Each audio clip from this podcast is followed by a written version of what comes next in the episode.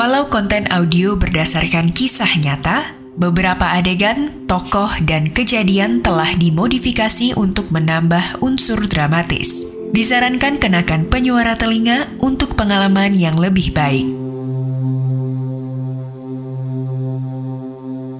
Selamat datang di podcast Tinggal Nama Spesial Biografi. Edisi spesial peristiwa 10 November ini dipersembahkan untuk mengenang jasa para pahlawan yang berkorban demi memperjuangkan kemerdekaan Indonesia. Biografi ini diambil dari jejak tertulis mengenai tokoh terkait.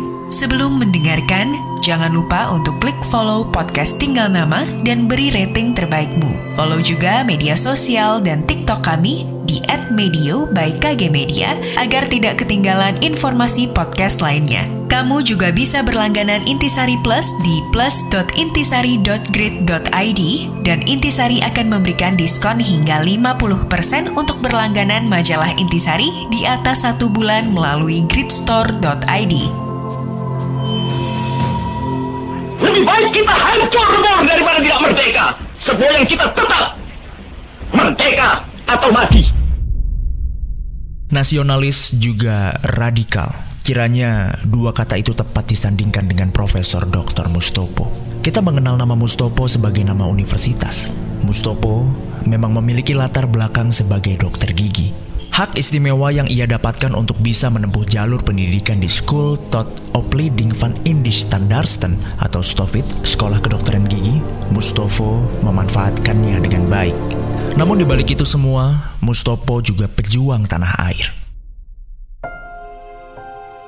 Nama Mustopo terlihat eksis di pra peristiwa 10 November di Surabaya. Namanya masuk dalam peristiwa penyobekan bendera Belanda di Hotel Oranye atau Hotel Yamato.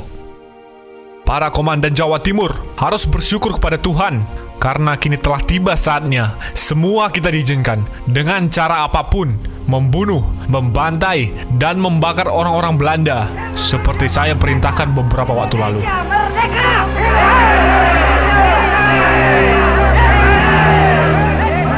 Kala itu, ia berperan sebagai pimpinan Badan Keamanan Rakyat. Ia mendapatkan informasi dari mahasiswa Fakultas Kedokteran Gigi yang menyamar menjadi staf hotel mengenai orang-orang Belanda yang ingin menggagalkan kemerdekaan, termasuk mengibarkan bendera Belanda.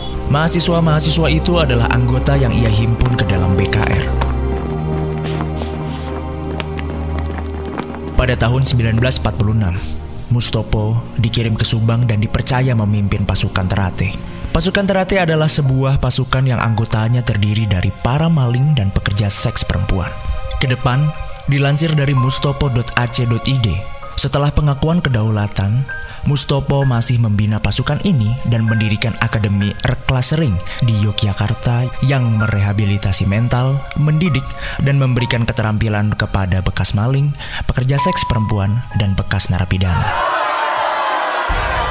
Mustopo pernah terlibat pemberantasan PKI di Madiun pada tahun 1948. Ia dipercaya sebagai komandan teritorial Komando Jawa Timur yang bermarkas di Madiun.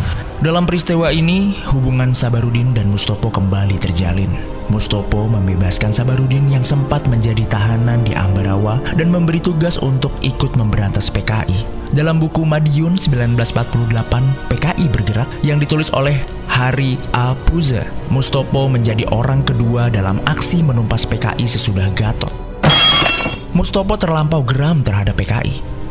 Menurut Lukas, cucu Mustopo, kakeknya itu memang anti komunis sejak pemberontakan pertama di Madiun. Melihat banyaknya guru-guru spiritual yang gugur, yakni para kiai, membuat Mustopo merasakan kesedihan yang mendalam.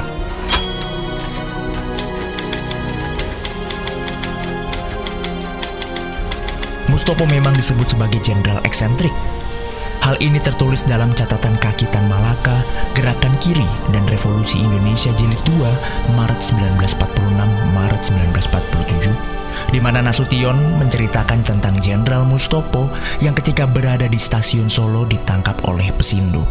Mustopo yang memang dikenal selalu membawa granat memperlihatkan kepada mereka granat tersebut sambil mengancam hendak meledakkannya. Ancaman itu berhasil dan membuatnya dilepaskan.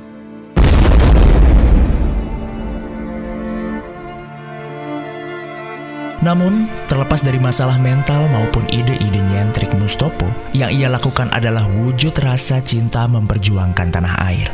Hanya saja, Mustopo mengekspresikannya dengan berbagai cara yang saat itu mungkin tidak terpikirkan oleh orang sekitar.